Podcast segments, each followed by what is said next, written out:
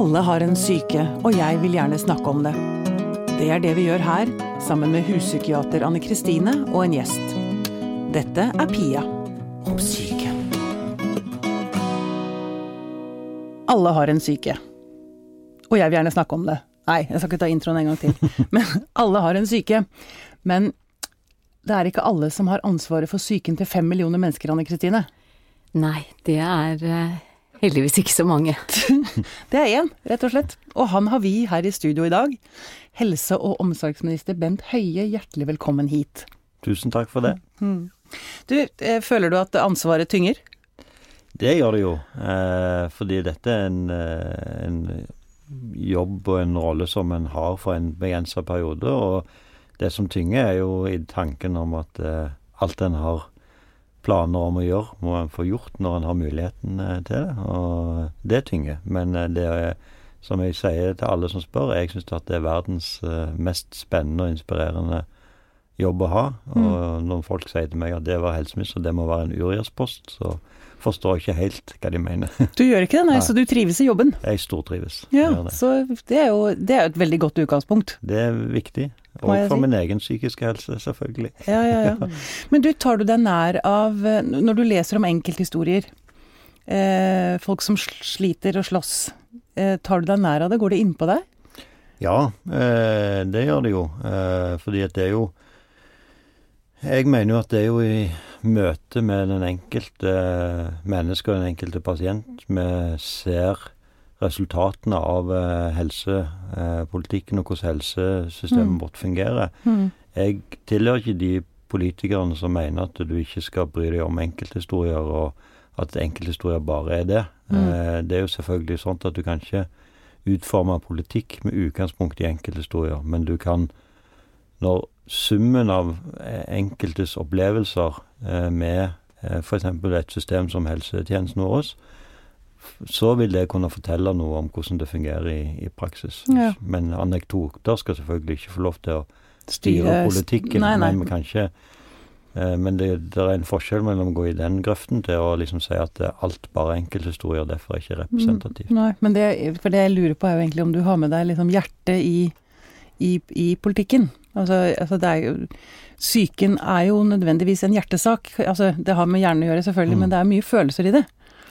Det er der, også, og jeg eh, og mener jo at en av Altså, en av bakgrunnen for at jeg syns at dette er så spennende, er jo nettopp at det er, det det som det? jeg har et sterkt hjerte for, Ja. og helse generelt. Men det er jo klart at eh, eh, både psykisk helse og, og rusavhengighet det er jo de to områdene som jeg hele veien, når jeg har eh, jobbet med helsepolitikk, har vært mest engasjert i. Mm, hmm.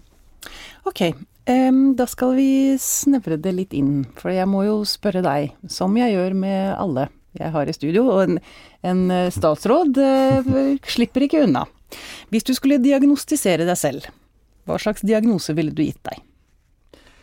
Nei, jeg tror ikke jeg hadde gitt meg noen uh, diagnose. Uh, jeg eh, opplever at jeg eh, har det eh, generelt eh, veldig godt. Mm. Eh, og hvis du tenker på min psykiske helse, så tror jeg den er i veldig god balanse nå. Mm. Eh, men som for meg, som for alle andre, så er det oppturer og nedturer i, i Mm. livet. Og vi har alle sammen en psykisk helse. Og jeg tror nok at jeg kanskje er blitt mer og mer bevisst på viktigheten av å ta vare på den eh, psykiske helsen. Ja, hvordan gjør du det da? Ta vare på din egen psykiske helse? Ja, det er, handler for min del veldig mye om å sette eh, grenser. Ja. Eh, det handler om å være bevisst på at eh, når jeg har fri, så har jeg fri. Sånn at det er en liksom klar grense mellom det å være på jobb og det å ha fri. Mm.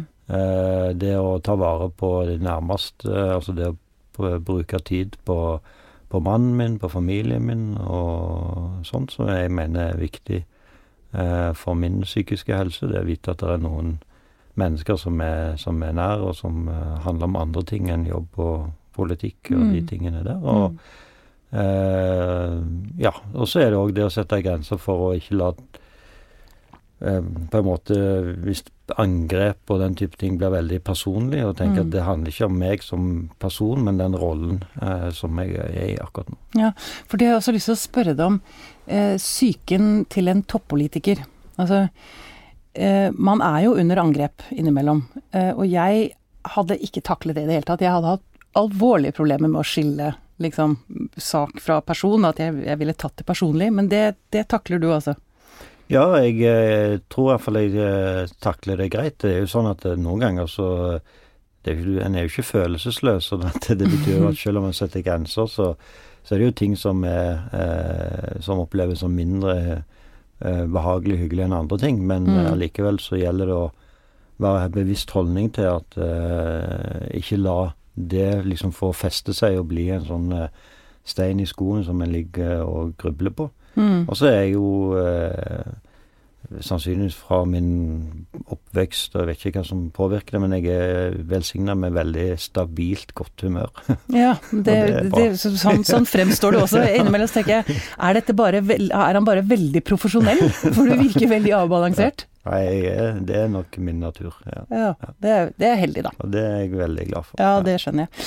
Men du, sånn som dere statsråder, dere er jo i vinden, holdt jeg på å si, eller dere får en del pepper. Nå har Monica Mæland fått gjennomgå de siste par Mm. ukene. Har dere sånne der statsrådssamlinger hvor dere backer hverandre opp, liksom? Heia, nå, dette går fint. Og sånn. Ja, altså eh, Vi sender jo. SMS-er til hverandre, sant? Jeg gjør det? Ja, som dere ser, med smilemunn og blunkefjes og klemmer. ja. Har du sendt en sånn til Monica Mæland? Eh, ja, det gjør jeg, og det gjør vi til hverandre hvis det er ting. Og vi snakker jo selvfølgelig sammen, Mm. eh, og har òg eh, en veldig godt kollegium som sådan, som, eh, som eh, eh, Der eh, vi spiser jo lunsj sammen iallfall én til to ganger i uka. Mm. Eh, og der det òg liksom er mulig å ta opp og snakke om eh, ting som er vanskelige, ting som jeg ønsker å drøfte med andre. Og så er jo eh, Men snakker dere da om psyken eller om følelsene, liksom, i dette, eller snakker dere bare sak? Er dere flinke til å liksom eh, hegne om hverandre? Jeg synes vi er flinke til å snakke om eh, og, ta vare på hverandre i tøffe, tøffe tider. Så har vi òg en sjef som er veldig flink til å se oss og følge oss opp Mm, mm. eh, når det er behov for det. Ja, så bra. Du, jeg har også lyst til å snakke litt med deg om psyken og um, Du er jo homofil, og du Ja. kom ut da du var ganske voksen, 25 år. Ja. I hvilken grad vil du si at den prosessen har preget din psyke? Har den gitt deg en styrke, eller hvor tøft var det, liksom? Altså For min del så var jo ikke det eh, i utgangspunktet noe spesielt tøft i den forstand at eh, jeg, jeg fikk eh, den aller beste eh, liksom mottakelse, og det hadde jeg ikke Jeg hadde ikke venta noe annet heller hjemme hos eh, familie, foreldre og venner. Mm. Eh, men òg utover det. Jeg har aldri møtt noe negativt. Aldri fått eh, liksom eh, Ja, eh, jeg har vært heldig. sånt. Mm. Sånn sett. Så, men selvfølgelig at i forkant av noe sånt, så tenker en jo mye og Ja, hadde du en lang prosess opp mot liksom Ikke så veldig lang, men, men jeg var jo i den situasjonen at jeg hadde fått eh, Dag Terje, som jeg er nå gift med, som kjæreste. Så, mm. så for meg var det jo en veldig flott tid. Mm. Så det var jo egentlig det som var egentlig mitt eh, Det som jeg fortalte til mine foreldre og mine venner, var at jeg hadde funnet kjærligheten, og det er jo en positiv ting. Ja. Ja. Nå er jo ikke Norge det verste landet å vokse opp i når man er homofil, men det er jo likevel ganske tøft. Altså, vi hører jo fortsatt historier om unge som er redde for sin egen legning, og Mm. redde for hvordan folk skal, skal ta imot dem og sånn. Hva, hva, hva tenker du om det? Hva, hva har du lyst til å si? Det er jo ikke alle som er så heldige som deg, da, som har et så godt Det første, Nettverk. det første jeg vil si, det er jo det som eh, er erfaringen til de aller, aller fleste. Det er jo at det går mye bedre enn en tror. mm. Uh, og det er jo det som vi må ha som utgangspunkt. Uh, det er, Man har mer skrekkscenario inni hodet Ja. sitt enn en det faktisk er når det kommer ut, liksom. Ja, det, det- så, så av alle sånn, Jeg har jo masse venner og bekjente og andre som jeg har snakket med og delt som fortalt. Og de, de aller fleste har jo det, sier jo det at deres erfaring at det går mye bedre enn det en tror. Mm. Eh, men så er det jo dessverre sånn at noen opplever det stikk motsatte. Eh, og ennå i Norge, og det er jo eh, Og det er jo Og der tror jeg vi spesielt må ha oppmerksomhet på ungdom som jobber opp i Som har bakgrunn fra minoritetsmiljøer, eller som er tilhører eh, f.eks. spesielt religiøse miljøer eller Mm. sånn. Eh, som dere kan oppleve, oppleve det annerledes. Og da eh, Da tror jeg jo jeg at det er viktig å tenke på at det er eh, hjelp å, å få. Der er eh, nettverk, der er miljøer en kan oppsøke for å få eh, et nytt nettverk hvis en har behov for det. Nye venner. Mm. Eh, og eh, For det det, eh, det er jo Det er veldig vanskelig å leve et liv uten å leve hele sitt liv. eh, Å være den man er, å ja. For jeg tenker, at men Den utviklingen har gått veldig raskt. Altså, Ja. Det er jo ikke mer enn, det er jo under 50 år siden at det ble ansett som en diagnose. Det er det. Så Det er ganske- det... Det har ganske, skjedd ganske mye. Ja. Ganske fort. Og vi er, håper at utviklingen fortsetter å gå i riktig retning, selv om vi ser sånne Så angrep som vi fikk fikk nå i, i vår i, i USA, men allikevel uh, mm. Så må vi tenke på at det er nå andre eh, som gjerne har mer eh, Altså som, som opplever noe av det samme ennå. Eh, Jeg var jo i, i går på besøk til sommerleiren til Harry Benjamin-stiftelsen, som jo jobber med mennesker som, eh, som, eh, som er født i feil kropp, og som, som mm. skifter kjønn. Og det er klart at der tror jeg at mange av de, og da i hele spekteret, fra de som er født i feil kraft på kjønn, til transpersoner, opplever nok eh, vanskeligere eh, forhold i Norge fortsatt enn det som gjerne vi som er på en måte eh, homofile eller lesbiske, som liksom har opplevd en enorm eh, positiv utvikling de siste årene. Så må vi ikke glemme at det er andre eh, grupper eh, innenfor eh, det store spekteret som er med, med i den hele skeive befolkningen, som gjerne har det vanskeligere enn det akkurat vi som homofile lesbiske har det i Norge. Da. Mm. Mm. Ok. Um, hvordan vil du karakterisere psyken til det norske folk? Den Eller hvordan er tilstanden liksom til hvordan, hvordan ligger Norge an i forhold til psyken? Altså, vi ligger jo i utgangspunktet godt an, eh, som Norge gjør når det gjelder helse. Mm. Eh, og så er det noen sånne faresignaler, spesielt eh, blant eh, barn og unge, der vi ser en økende andel som har psykiske, psykiske helseutfordringer. Mm. Hva, tenker, hva, hva tror du det kommer av? Har du noen teorier om det? Du og Anne Kristine også, jeg må høre, høre med dere begge. Vi har jo, vært, vi har touchet innpå dette i tidligere Ja. podkaster. Jeg eh, har jo en oppfatning av at det kan være en sammenheng mellom at eh, Jeg tror at noe av Hvis vi skal prøve å lage et sånt bilde over tid, da, Mm. så tenker jeg at eh, både når mine foreldre, men òg delvis når jeg sjøl vokste opp, iallfall der som jeg vokste opp, på ei lita bygd ut forbi Stavanger, så var det sånn at eh, da var den store utfordringen at du ikke skulle tro at du var noe. Ja, Eh, jantelov. Sånn at du eh, ikke skulle skille deg ut, skulle Mm. ikke være annerledes. Det, og det var det jo mange som lei under, men vi var gjerne ikke Vi hadde ikke statistikker og undersøkelser som eh, fortalte oss noe om det den gangen. mm. Mens jeg tror kanskje i dag er det den andre siden som er utfordringen, nemlig at uh, du skal være så unik og så spesiell, og hvis Mm. du liksom ikke skiller deg helt ut fra alle andre, så uh, så har du liksom ikke lykkes uh, i livet. Mens, Mm. så jeg tror vi må finne den gylne middelveien og, og på en måte komme tilbake igjen den Eller få en mer bred oppfatning av at eh, at det er liksom godt nok ja, er bra. ja. Eh, og, og det er ikke sånn at uh, lykken i livet er å liksom gjøre det hei, liksom være på topp på alle, alle områder. Og, Være rik, være være kjent, rik, være være perfekt, kjent, være vakker, være nei. Nei. og at A4-livet er sterkt eh, undervurdert. ja. Kan du skrive under på det, Anne Kristine? Ja da, Bent Høie har jo hørt meg snakke, snakke om dette her ved noen anledninger, og jeg sier jo at vi må slutte å si til barna våre at de kan bli hva de vil. Ja. Fordi at det kan jo fort bli at i stedet for at det da er et hav av muligheter, så blir det en mur av muligheter. Mm. At uh, forventningspresset om at du skal liksom, Være så unik, ja. ja. være så unik. Altså, sier Mm. alle gutter som begynner på kokkelinja kan ikke bli Jamie Oliver. Nei. Altså, det er så enkelt som det, men eh, hvis man får høre fra man er to år gammel at du kan bli hva du vil, Mm. hvem skal man skylde på da, når man etter hvert finner ut at ja, men sånn er det jo ikke. Mm. Det er vel kanskje noe med dette å, å finne glede i å altså være kokk, da. Altså, Mhm. Lage god mat Ja. som gleder mennesker. Ja. Man trenger ikke å vinne Bocuse d'Or, eller hva det heter, Nei. Nei, det for å være en suksess. Nei, ikke sant. Og så handler det jo mye om å finne ut hvilke verdier man vil ha i livet sitt. Mm. Sånn at hvis man liker å lage mat, så skal man finne glede i å lage mat. Og så Mm. kan man jo kanskje leve av det. Mm. Men du kan ikke ha som mål å bli Jamie Oliver.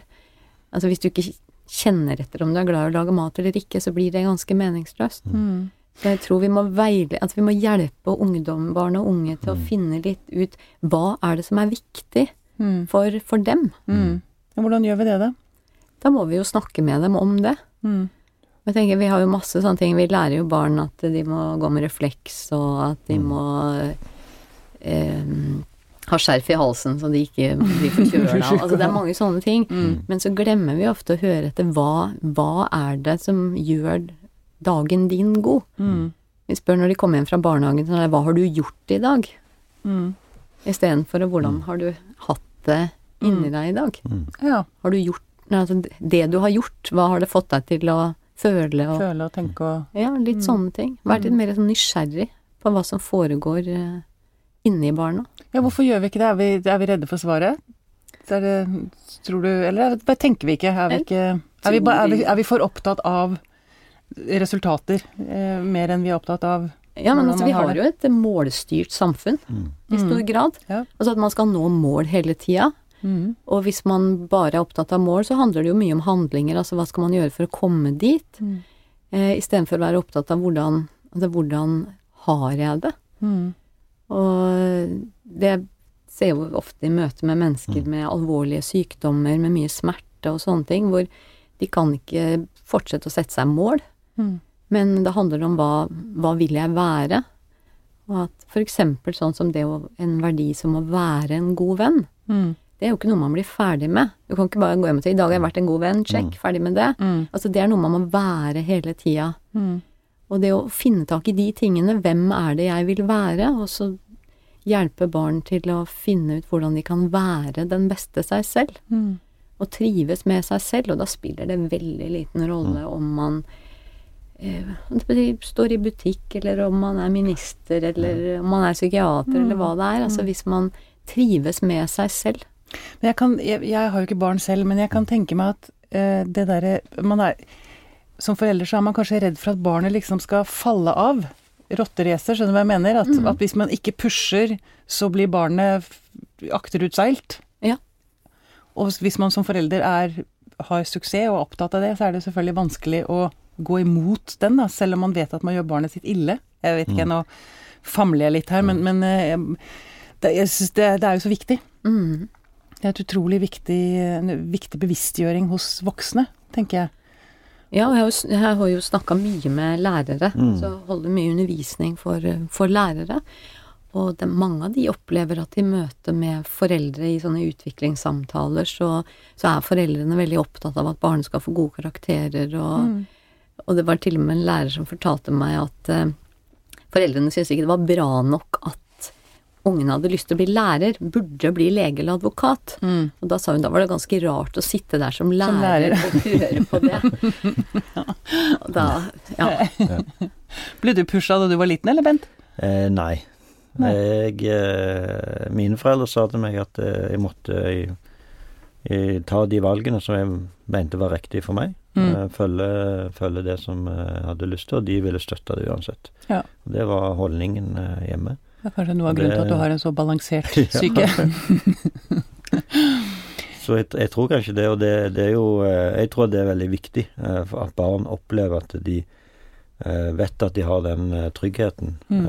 hjemme på det. Fordi hvis vi ser òg på hva, hva samfunnet vårt har behov for framover, så er det jo ikke på en måte flere kjendiser.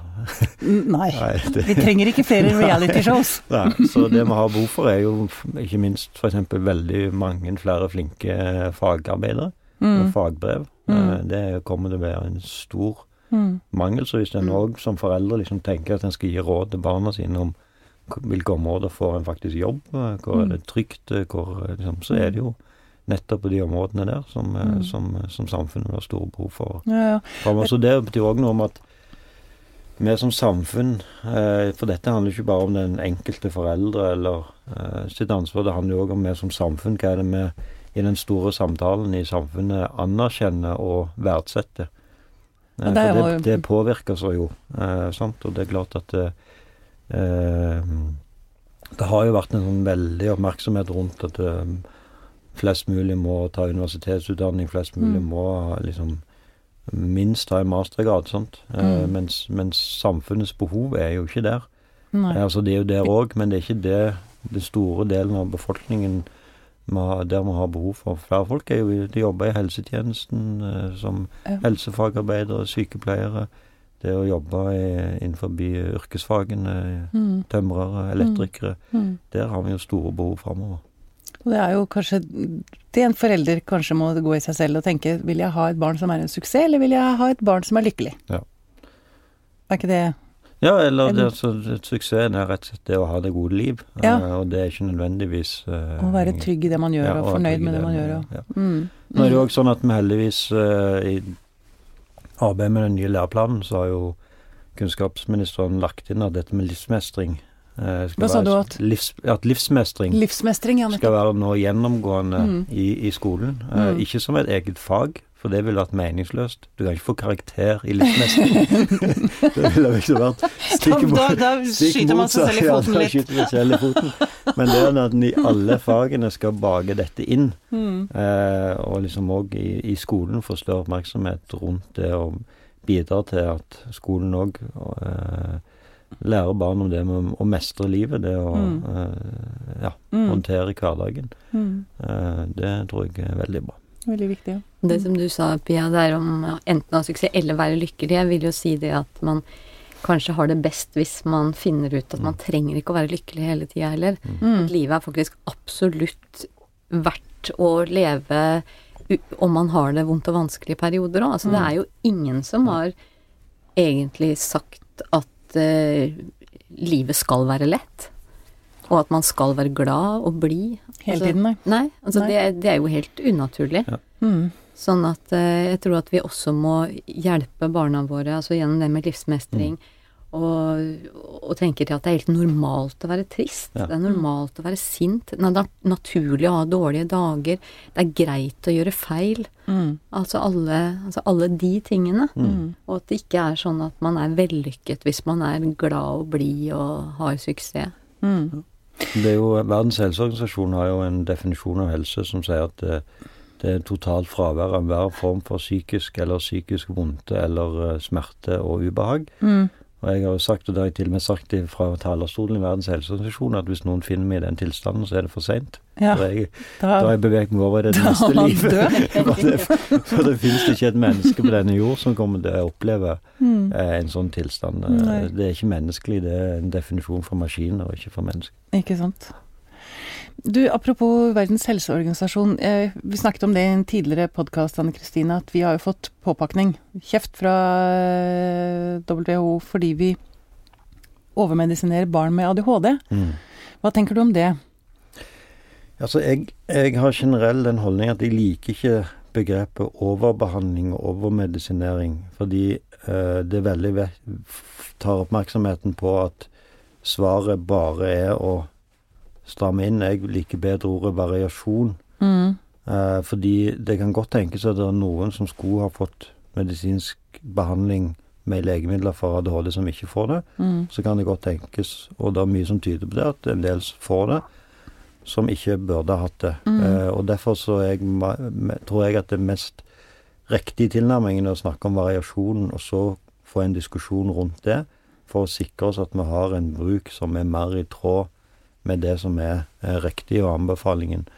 Og da er iallfall min tilnærming er at eh, for det første så er det jo viktig å få den diskusjonen i fagmiljøene, få fram tallene, få fram statistikk. Og så tror jeg òg at dette òg handler, handler veldig mye om alternativet. At du må liksom hele veien være tydelig på at det må være et alternativ til medisinbruk Mm. tilgjengelig. Mm. Eh, på, Men eh, vi, det er mye medisinering i Norge. men det er det sånn det kommer jeg ikke eh, unna. På, på Jæren så sier vi noe sånt at hvis du ber en bonde om å gjøre noe, Mm. så gjør han det, men han gjør det uansett med traktor. Ok. Så, fordi det, det, det er det redskapet en har tilgjengelig. Og Ja. litt sånt er det òg uh, i helsetjenesten. Sant? At uh, hvis, du, hvis det er medisiner du har tilgjengelig, det er reseptblokken som er det du har, hvis du møter en pasient som fastlege, Mm. ja, så bruker du det du har. Mm. Uh, og derfor så er jeg jo veldig opptatt av at vi òg skal bygge ut eh, alternativene til reseptblokken, sånn Mm. at det er tilgjengelig, f.eks. med psykologer i kommunene. Ja. Uh, og så tror jeg òg at i skolen så er det jo blitt sånn at for å utløse ekstra ressurser, så eh, må en på en måte ha en diagnose. Og en diagnose vil ofte òg føre til medisinering. Så du har kommet inn i en slags negativ spiral, etter min oppfatning, der, der alle rundt barnet da har en interesse av å få satt en diagnose og få utløst de ressursene som det kreves i skolen, Mm. osv. Og, og der tror jeg vi er nødt til å tenke av nytt, og det av det som statsministeren trakk fram i sin tale på vårt landsmøte, at eh, kanskje vi nå må se på hvordan skal vi få til en tidligere innsats eh, for disse barna som innebærer andre typer løsninger. ja. Eh, Så det jobber- men- det jobbes det med. Ja, men jeg, Mm. jeg er veldig redd for å gå fra ei grøft til en annen grøft. For Mm. jeg har jo òg møtt mange rusavhengige, eh, voksne rusavhengige i dag, som sannsynligvis burde fått ADHD-medisin når de var barn, men pga. at Norge da var, hadde en voldsomt streng praksis, ja. ikke gjorde det, og de begynte å selvmedisinere seg og ble Mm. rusavhengige. Mm. Så vi må Eller at de fikk psykolog. Eller kunne kanskje fått psykologhjelp. At de fikk noe hjelp. Men, men, Mm. det, men det er ikke Jeg har jo nå kjørt veldig, og det har jeg jo fått kritikk for, eh, kjørt veldig kraftig gjennom at vi skal ha medisinfrie behandlingstilbud innenfor psykisk helse. Som er en kraftig diskusjon. Fordi jeg mener det alternativet skal være der, men Mm. jeg mener absolutt ikke at det betyr at ingen Altså at medisiner er feil. Medisiner har stor betydning, gir mange god hjelp, Mm. men det er ikke løsningen for alle. Og det er det å få den balansen som jeg er opptatt av, ikke enten-eller. Og i møte med den enkelte så er det jo dialogen. Ja. Og jeg, jeg tror jo det at litt av eh, det som vi ser nå, altså at det kan oppleves litt som steile fronter, er et resultat av at dialogen og kommunikasjonen har vært altfor dårlig altfor lenge. Mm. Og da, da blir det sånn. Altså hvis man eh, ikke opplever å bli lytta til, ikke opplever å få medvirke i egen behandling, altså til slutt så, så, så må man jo snakke i veldig store bokstaver. Mm. Så jeg tror jo at det Altså, det er også litt av forklaringen til at det eh, altså blir såpass eh, hva skal si, polarisert diskusjon. Ja. Men i hvert enkelt møte mellom en person som er i behov av hjelp, og den eller de som skal gi hjelpa, så er det jo dialogen å finne ut hva er det denne personen ønsker, hva er det denne personen har nytte av. Og det, det, der er vi jo ikke enda, at vi kan spå. Vi kan jo ikke si det at dette vil hjelpe den personen, før vi er i gang. Og sånn vil det jo være med, med barna òg. Mm. Altså, vi ser jo det at det er jo uh, hele på en måte hele apparatet rundt. Og det er jo veldig mye som tyder på at det å styrke foreldrekompetansen, og det å hjelpe foreldre til å mestre vanskelige hjemmesituasjoner, har eh, veldig stor betydning for barn med ADHD. Mm. Sånn at, eh, og og som, eh, som Bent er inne på, det med skolesituasjonen. Mm. At vi begynner heldigvis å komme dit hvor vi skjønner at uh, det er ikke liksom ett skoleopplegg. Det passer ikke for alle. Nei, for det husker jeg så en undersøkelse fra Sverige hvor de hadde sett det at barn med ADHD taklet øh, ADHD-en helt fin bare de når de ikke var på skolen. Mm. Altså det var skolen som Det var da problemet ble utløst, av dette med å sitte stille i time etter time. Mm. Det, er- jeg skjønner jo at det ikke passer for alle barn. Nei. Altså, det er jo helt åpenbart. Det er jo derfor vi velger forskjellige yrker, fordi vi har forskjellige ja, behov og, og sånn. Mange av oss som kanskje ikke hadde trivdes så godt i åpne kontorlandskap Ja. eh, åtte timer om dagen hele uka, men allikevel så er det det barna våre er Mm. i. De er kanskje Alle. 26 elever som sitter i samme klasserom, seks timer om dagen, fem dager i uka. det- Dette er vel et spørsmål for utdanningsministeren. Det er det, men men, men samarbeid er godt. ja. For det er jo eh, Det er klart at eh, eh, skolesituasjonen eh, er jo og- altså Det er jo en veldig stor del av tiden for barn. Mm. Uh, og det er klart den har stor betydning for deres helse. Eh, ikke bare som barn, men vet jo at barn og unges helse er jo Det er jo den helsen de skal leve med resten av livet. Så Mm. det ser vi jo en veldig klar sammenheng med den helsen som du har som gammel. Den henger veldig i stor grad Mm, sammen med den helsen som du hadde som barn og unge. Ja, ja, og spesielt den psykiske helsen. Det er jo de aller fleste som får en psykisk helseutfordring, får jo den første gang i barne- og ungdomsårene. Så, Ja, ja. så det å investere i barn og unges helse og helsesituasjon eh, og skolesituasjon, det er jo det viktigste vi gjør for helsen for Mm. befolkningen som Mm. sådan. Og Mm. det er klart at det å Det er jo helt klart at eh, får en en, eh, en utdanning og et arbeid, eh, så, så er mye av helsespørsmålet løst, ja. egentlig. Ja, nettopp. Ja. Finne sin plass i livet. Ja. Du, hva, er du mest fornøyd med å ha oppnådd innen den tiden du i løpet av den tiden du har sittet som helse- og omsorgsminister? Innenfor, innenfor psykisk helse, da. Innenfor psykisk helse så eh, er det nok eh, det at vi har fått eh, liksom eh, fått eh, slå fast at vi skal bygge ut et tilbud i kommunene eh, med en primærhelsetjeneste som inneholder psykisk helse. Da Mm. spesielt med, med psykologer i alle, alle kommuner. og Det at vi har klart å få prioritert penger, penger til det. Eh, og så er det jo eh, eh, Tror jeg òg den endringen som dette med pasientens helsetjeneste innebærer, med tydeliggjøringen av at pasientene skal være med sitte om bordet og ha en stemme med når vi utvikler eh, tilbudet, tilbudet generelt. Mm. Eh, så er det fortsatt, eh, tror jeg, vi kommer til å oppleve at måten vi organiserer og tilbyr helsehjelp innenfor psykisk helse, kommer til å endre seg veldig eh, og, eh, framover. Hvordan da? Jeg tror at vi, den tilbudet må enda større grad ut og møte folk eh, der det er, og se, se hele livssituasjonen eh, til, folk. Jeg tror at eh, det er fortsatt for mange som eh, som eh, er for, eh, for, for, eh, er for lenge på institusjon, døgnopphold, Mm. som, som der, der en ikke får, får tatt fatt i de grunnleggende utfordringene, og får få hjelp for seint. Mm. Så um, Ok. Ja.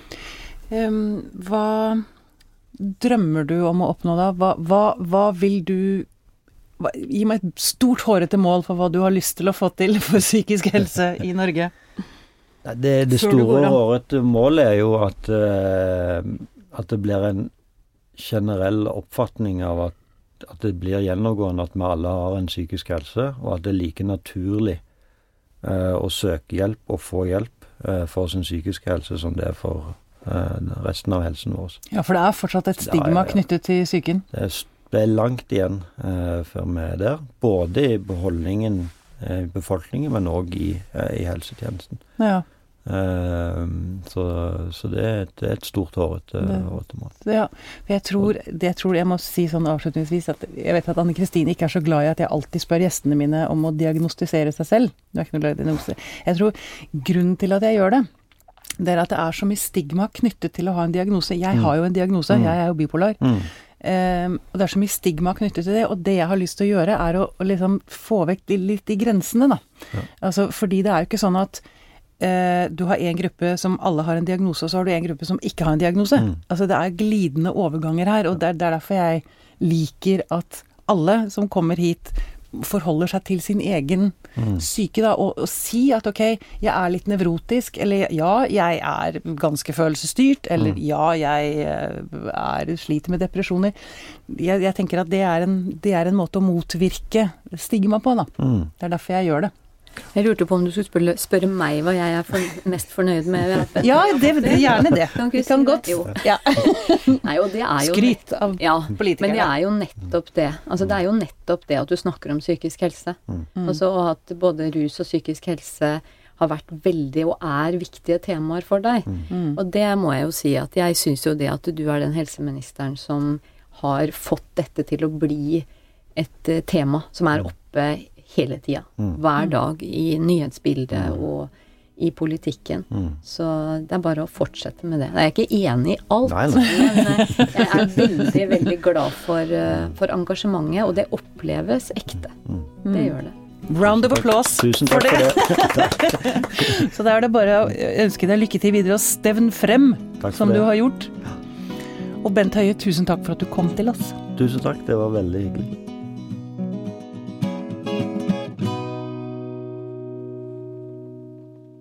Denne podkasten er produsert av Tid og Lyst.